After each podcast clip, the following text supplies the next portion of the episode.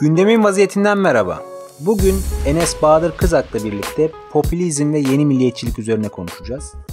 Aslında bu kavramlar yeni olmamasına rağmen değişen koşullarla birlikte farklı bir boyuta evrildi. Özellikle Avrupa özelinde bakacak olursak 15-20 yıl evvel Avrupa Birliği karşıtı Euroseptik bir hareket olarak karşımıza çıkan ve böyle bir karşılık bulan popülizm ve milliyetçilik özellikle 2010 2009 e, ekonomik krizi sonrasında ekonomik sorunlarla birleşip göçmen karşıtı, İslamofobik, korumacı devlet anlayışının hakim olduğu bir hale büründü. Almanya'da AFD, Britanya'da UKIP, e, Fransa'da Le Pen'in ulusal cephesi, gene Britanya'da Brexit süreci, Boris Johnson, Nigel Farage gibi e, liderlerde vücut bulan popülizm tabi sadece Avrupa ile kısıtlı değil. Bugün Amerika Birleşik Devletleri'nde Trump'ı da popülist bir lider olarak değerlendirebildiğimiz gibi Latin Amerika'da da bunun hem sağ hem sol skalada birçok örneği mevcut. Hatta e, Türkiye özelinde de baktığımız zaman sağ popülizmin farklı bir e, örneğiyle karşı karşıyayız bugün. E, bu çerçevede şunu sormak istiyorum.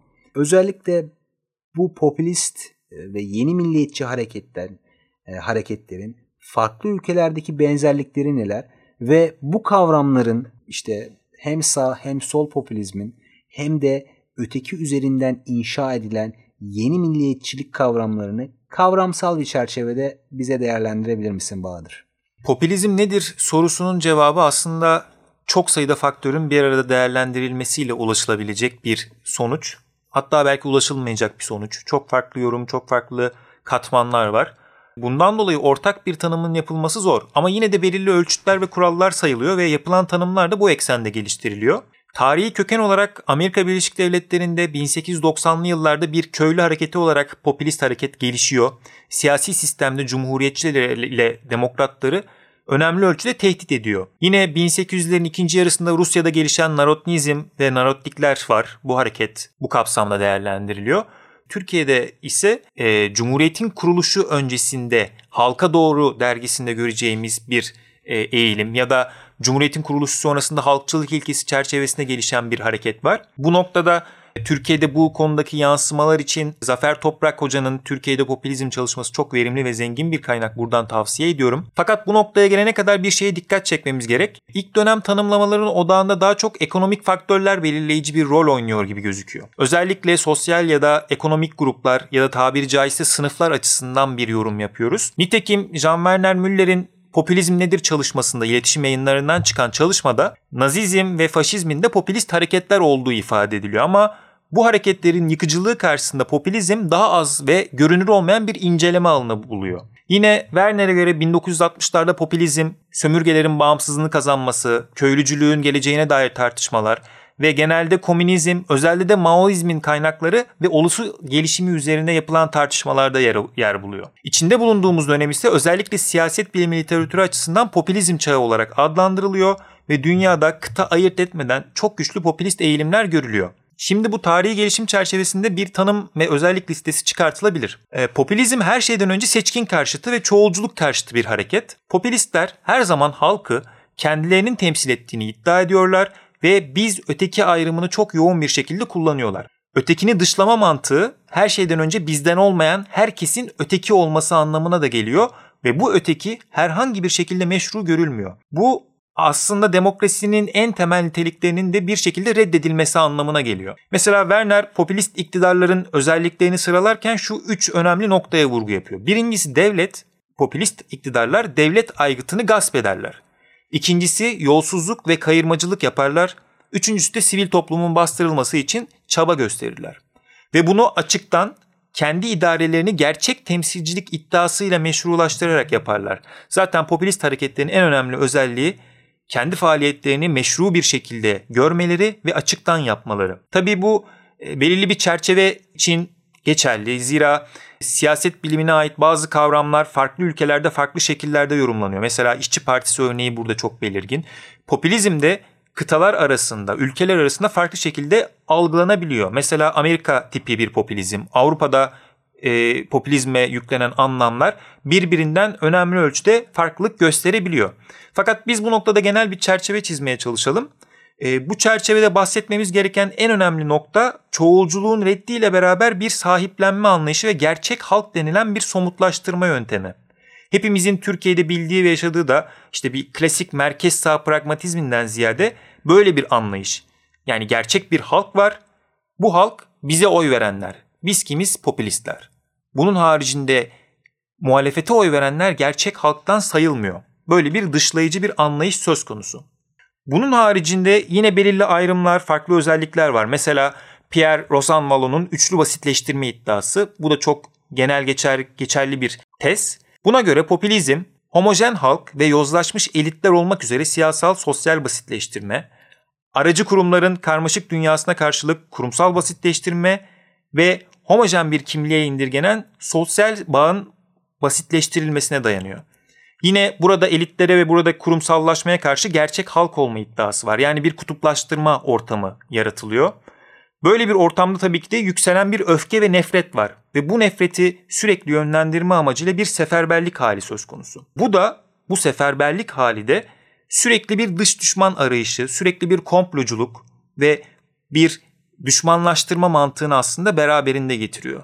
Ve böyle bir ortam, böyle bir siyaset anlayışı güçlü ve tek bir lidere dayanan bir yapıya sahip. İşte Fransa'da Le Pen, Hollanda'da Wilders, Amerika'da Trump, Macaristan'da Orban hep bu tarz liderlere örnek olarak gösterilebiliyor. Aslında bunlar çok enteresan figürler. Yani tek bir fabrikasyon ürünü gibi birbirlerine fiziken, fikirsel olarak çok benzeyen, aşırılıkları olan tipler ve işte Wilders, Le Pen, Trump bütün bunlar ya da bunlara dahil edilmeyecek olsa mesela e, Boris Johnson yine bu kategoride değerlendirilebilir. Maduro kesinlikle bu kategoride. Filipinler'de Duterte çılgın olarak tanımlanıyor ama aslında yine bu kategoriye dahil edilebiliyor. Bunların çok ilginç özellikleri var, ilginç figürler.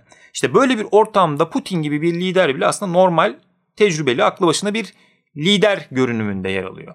Şimdi sen de senin de verdiğin örnekler vardı. Ben de burada Boris Johnson'ı saydım. Tabii sen de e, eğitiminin bir sürecinde İngiltere'de kaldın ve bu tam bu süreçte Brexit sürecine şahitlik ettin.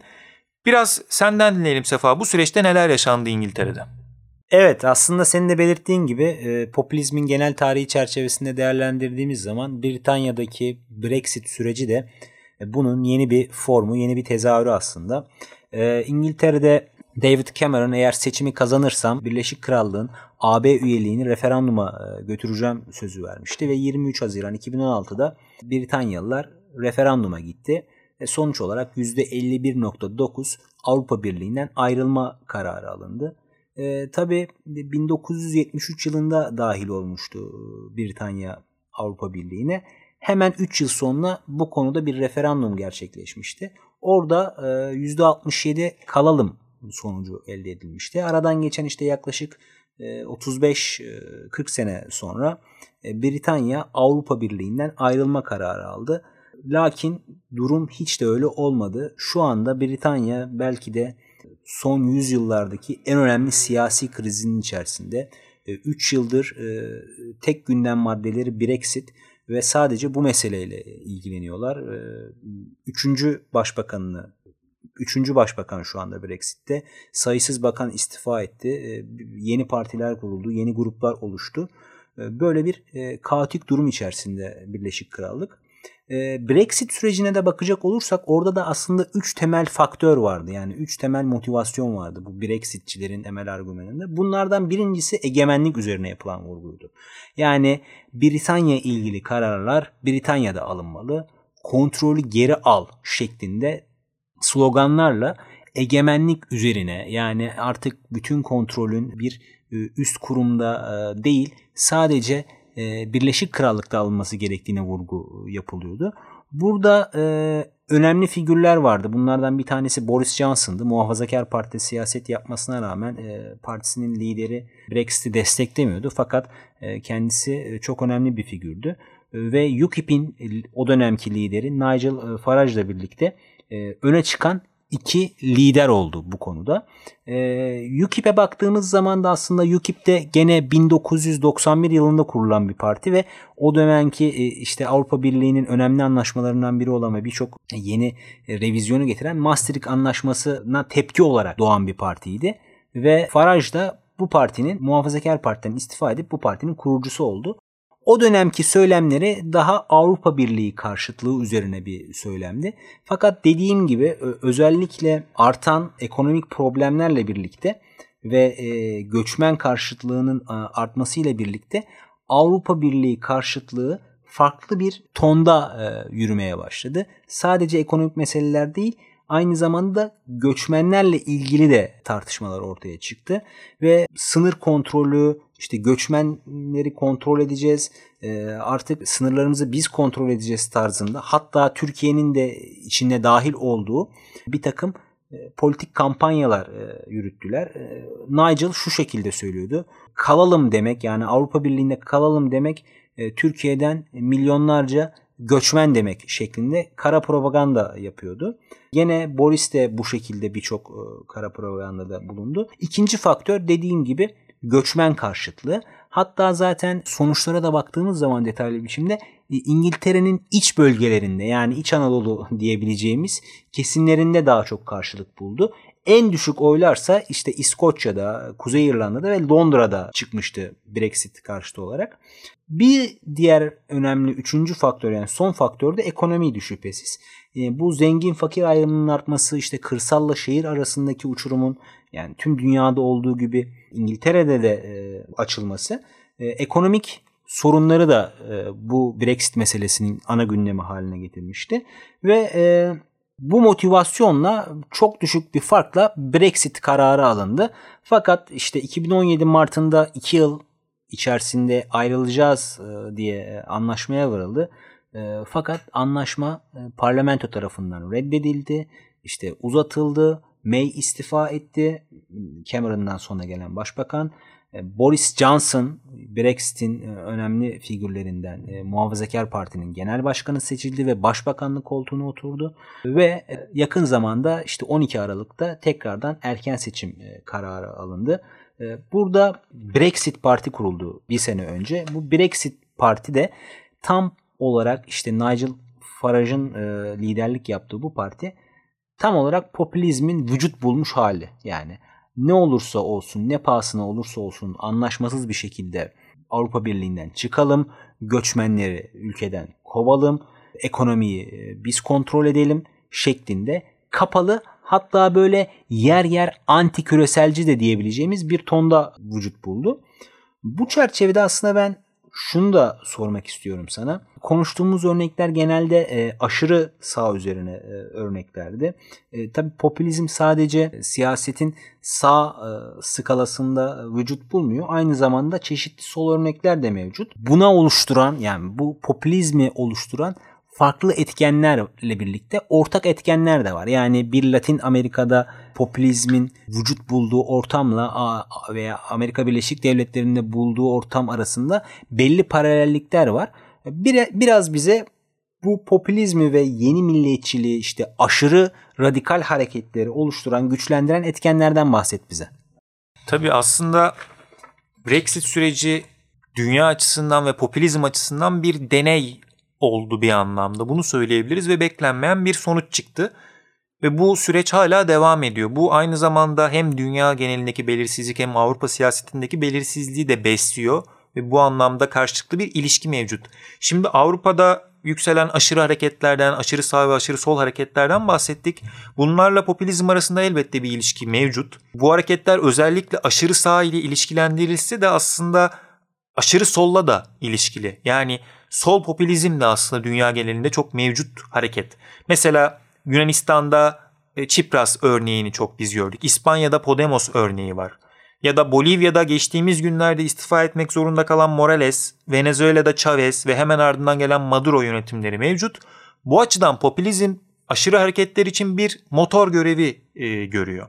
Yani böyle değerlendirmek daha doğru olabilir aslında. Tabii Belli olaylar ve süreçler bu motoru daha da güçlendiriyor ve emsal olarak diğer ülkelere pazarlıyor. Yani popülizmin bir ülkede gelişip güçlenmesinin hemen ardından diğer örneğe, diğer ülkeye örnek olması ve yayılması süreci söz konusu. Bu e, karşılıklı etkileşim içeren uluslararası süreçler, krizler, savaşlar ve bunların sonuçları çerçevesinde gelişiyor. Ve tabii ki de spesifik olarak belli faktörler ve sebepler var. Bunlara da değinmek faydalı olacaktır. Özellikle 1970'lerden itibaren ve özellikle son yıllarda Avrupa'nın neden popülist aktörler ve yapılar karşısında savunmasız kaldığının cevabı da aslında popülizmin yükselişinin bir anlamda cevabını karşılıyor. Nedir? Burada 3 tane önemli faktör var.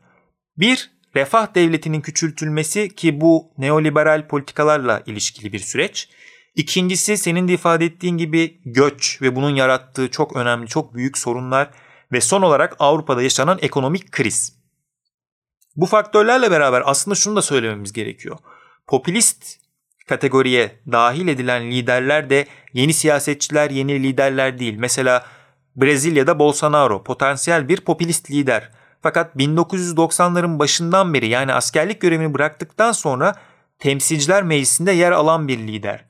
Keza Chavez de asker kökenli olmasına rağmen siyasette bulunmuş. Erdoğan uzun yıllardan beri siyasette. Orban uzun yıllardan beri siyasette. Le Pen, Berlusconi bu örnekler daha fazla arttırılabilir, çoğaltılabilir. Karşımızda yeni liderler olmasına rağmen aslında eski liderler de bu açıdan daha dikkat çekici e, bir şekilde ön plana çıkıyorlar. Ve burada önemli bir diğer hususu mutlaka ifade etmek istiyorum. Buradaki liderler halkla iç içe imajını vermeye çok özen gösteren liderler. Mesela Viktor Orban Macaristan'da her cuma Macar radyosuna röportaj veriyor ve burada halkın taleplerini, görüşlerini ifade ediyor. Önce dinliyor, sonra ifade ediyor. Nihayetinde biz zaten Macaristan'da geçtiğimiz programda da ifade etmiştik. Bütün medya organları tek bir elde toplanıyor. Tekelleşme sağlanmış durumda yani Macaristan'da. Bu açıdan Macaristan popülizmin vücut bulması açısından bir örnek ülke olarak da ifade edilebilir aslında. Yine Chavez'in çok ilginç bir program formatı var televizyonda şov yaptığı.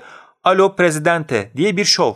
Burada yaşanan bir anekdot var, bir olay var. Bunu ifade edeyim hemen. Chavez canlı yayın sırasında savunma bakanına 10 tank taburunu Kolombiya sınırına yollaması talimatını veriyor. Ya bu aslında gerçekten popülizmin vücut bulmuş hali çok güzel bir şov ekranlar başında. Tabii bütün bu süreçler yani bizim başından beri bahsettiğimiz bütün bu süreçler ülkenin kurumsal yapısına ve demokrasisine çok ağır bir zarar veriyor. İşte sürekli pompalanan kin ve nefret söylemi ve öfkeli bir toplumun yaratılması, bunun yarattığı derin ayrımlar ve yıkımlar, yine kimliklerin siyasette çok belirleyici hale gelmesi durumu biraz daha ağırlaştırıyor.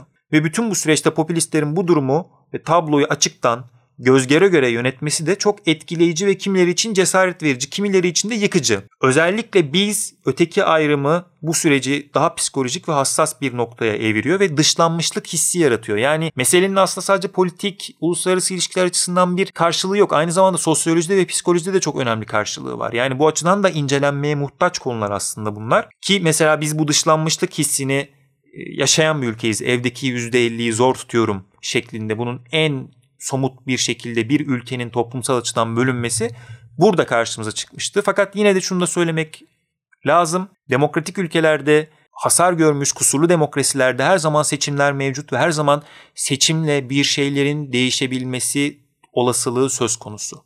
Yani hiçbir zaman popülizmin güçlü, en güçlü olduğu ülkelerde bile sandığın kurulduğu ülkelerde umudu kesmemek lazım diyorum. Gündemin vaziyetinde bu hafta Enes Bahadır'la birlikte popülizm konuştuk. Popülizm, yeni milliyetçilik Avrupa'da, Latin Amerika'da ve dünyanın her tarafında artan aşırı sağ, aşırı radikal hareketlerle birlikte popülizmin kısa bir tarihçesini dinledik Enes Bahadır'dan. Çok teşekkür ediyorum kendisine. Vaziyetle kalın.